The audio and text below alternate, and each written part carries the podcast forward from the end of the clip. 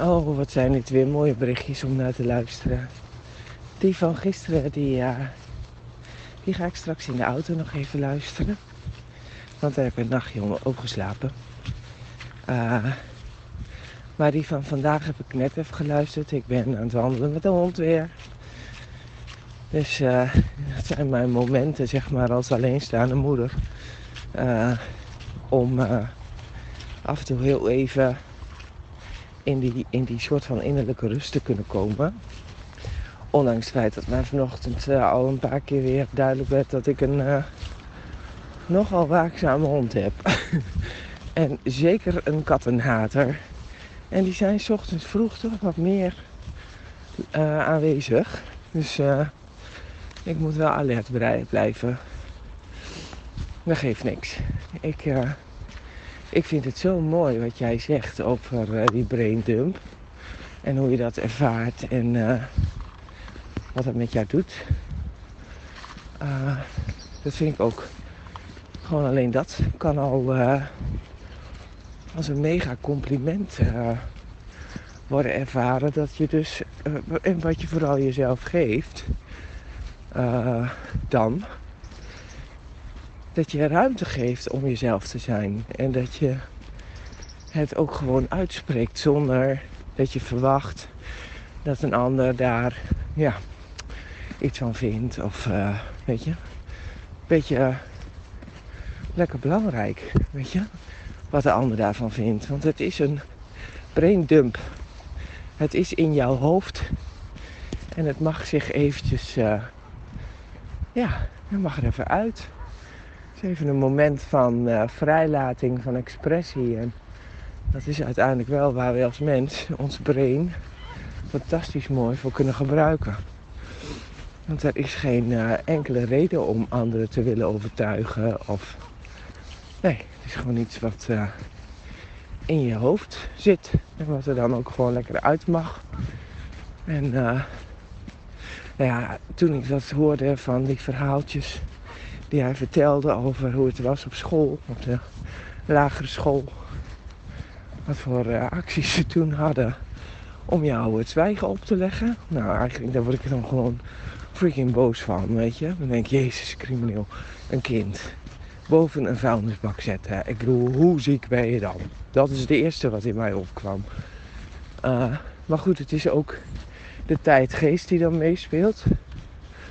Uh, waarin het uh, denk ik ook wel een stuk onmacht was misschien. En, want weet je, iedereen moet gewoon meedoen. En niet anders zijn. Dat is een beetje wat het grote programma van ons vraagt. Dus ja, mensen met uh, afwijkende gedachten of andersdenkenden worden dan gewoon niet gewaardeerd in dat stuk. En ik denk dat het nog steeds zo is. Maar dat je als je wat ouder wordt, daarin misschien toch wat meer ruimte pakt om daar je eigen uh, weg in te vinden. En uh, dat kinderen,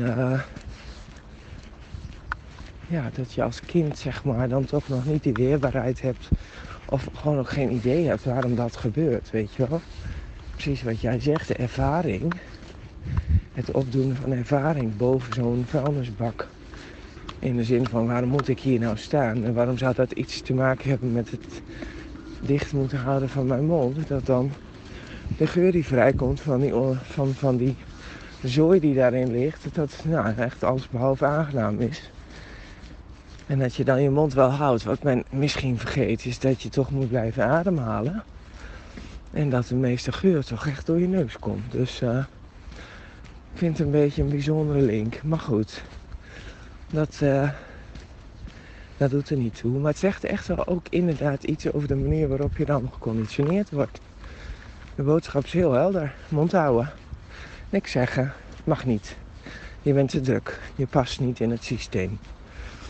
Nou, en daarvan zeg ik nu, ja weet je, geen enkel mens past als individu in het systeem. Want iedereen heeft zijn eigen unieke authenticiteit als geschenk meegekregen. Dus um, eigenlijk vind ik alles wat dat stuk En wat dat geschenk uh, onuitgepakt laat, vind ik feitelijk gewoon crimineel. Ja, eigenlijk wel. Um, ik vind het gewoon. Ja, dat is het enige woord. Het is gewoon eigenlijk gewoon misdadig dat dat zo gebeurt. In het hele stuk. Um, ook nu. Want als je het dan hebt over wappies, weet je, alleen die term. Weet je, dat is natuurlijk eigenlijk ook dat weer. Weet je, hou je stil, want wat jij denkt klopt niet. Uh, of past niet in het uh, programma zoals we dat met elkaar hebben afgesproken. Ik heb hetzelfde als jij. Ik ben um, mij sinds corona eigenlijk uh. Ja, zeg maar, heb ik mij afgewend van alles wat nieuws is. Wat uh, ellende is. Wat angst aan probeert te praten. Want het is daadwerkelijk het aanpraten van angst. En ja, ik ben uh, gelimiteerd gedefinieerd in angst. Dus ja, ik heb maar één angst en dat is mijn angst. En uh, die kun je heel erg ingewikkeld vervormen. Dat kan wel. Op het moment dat ik daar open sta en dat ik daarin, uh, dat ik dat toesta. En dat heb ik heel lang gedaan. Weet je, alle zorg van de wereld op je schouders nemen. Overal iets van moeten vinden. Je mening uit, uh, uiten op de manier zoals dat ja, gewenst was. Um, en daarin uh, je dan aanpassen. Nou, daar heb ik dus altijd onwijs veel moeite mee gehad. Er zat een, on, een onderliggende ja, frustratie, boosheid, die dat als gevolg had. En uh, waardoor ik echt op, de, op een gegeven moment, en dat is echt al coronatijd ontstaan, dacht van waar, wat ben ik nou eigenlijk allemaal aan het doen? Wat is hier nou eigenlijk in godsnaam allemaal aan de hand? En uh, zijn er misschien meerdere waarheden? Uh, of is het die ene waarheid die ik dan moet achtervolgen, waar ik eigenlijk van denk van, die is eigenlijk best gek die waarheid, weet je wel. Dus dat heb ik losgelaten. En sinds ik dat los heb gelaten en ik veel meer kan ervaren hoe het is om, en dat is dan mijn experiment, om een respons te leven en dan ook nog eens een keer te zeggen, hmm, ik neem nog niet meteen een besluit. Ik ga daar eens even rustig over uh, na, niet denken, maar voelen. Dus ik slaap er dus een nachtje over. Ik wil daarin eens even wat langer tot me laten komen of ik het wel of niet leuk vind of wat dan ook, weet je. Zonder de angst te hebben dat ik iets ga missen. Um, want dat is natuurlijk de grootste angst die er bestaat. Als je, een, uh, als je in elkaar zit zoals ik. Van ja, dat moet nu. oh, dat moet nu, want anders mis ik wat. Nou, weet je, datgene wat je dan mist is niet voor jou bedoeld. Dus ja, dan is het ook waarschijnlijk niet zo erg. Dus uh, ja, sinds ik zo eigenlijk in het leven ben gaan staan en dat ervaren um, als mijn waarheid, zeg maar, die uh, voor mij klopt, ben ik echt een onwijs relaxed, relaxed mens geworden. En kan ik met alles wat er op mijn pad komt ook dealen op die manier. Dus kan ik uh, ja, waardevol omgaan met de dood van mijn man. Het hele proces waarin hij in heeft gezeten, kan ik ook zien hoe voorbeeld hij daarin was. Wellicht ook voor andere mensen door de wijze waarop hij dat heeft gedaan. Waarop hij, ook al had hij onvoorstelbaar veel pijn. En eigenlijk gewoon een shit leven. Dat hij dan nog op de rand van zijn bed kon zitten en zeggen van... Weet je Marieke, ik ben zo onvoorstelbaar gelukkig. Ja, weet je, dan ben je toch gewoon een baas. Weet dat is toch het optimum. Dat je in alles wat er door je heen komt en wat je meemaakt. En dat je alsnog kan zeggen dat, um, dat je gelukkig bent. En ja, ik vind dat uh, bijzonder en mooi. En uh, goedemorgen. Dat was een uh, andere hondenuitlater. en, en inspirerend vooral. Ik heb heel veel inspiratie gehaald uit de manier waarop hij zijn leven aan het eind vorm gaf. En uh, ik ben dankbaar voor dat ik dat heb mogen meemaken. En dat is ook een uh, manier om om te gaan met gedoe en ellende en rottigheid en verdriet. En die manier bevalt me eigenlijk heel goed. En zo zie ik dat ook in relatie tot alles wat er op dit moment op de wereld speelt. Um, er zit eigenlijk bijna altijd een angstboodschap onder. Krijgen we Wereldoorlog 3? Komt er een hele enge nieuwe ziekte aan? Uh, zijn wij als mens in staat om de het natuurgeweld uh, te kunnen uh, verslaan? Weet je, al die negativiteit, ja, ook label inderdaad, maar al die zwaarte, misschien moet je het zo zeggen, zwaarte op angst. Waar ik, waar ik ook niet zoveel bij voel. Want ja, voor mij is het er niet nu.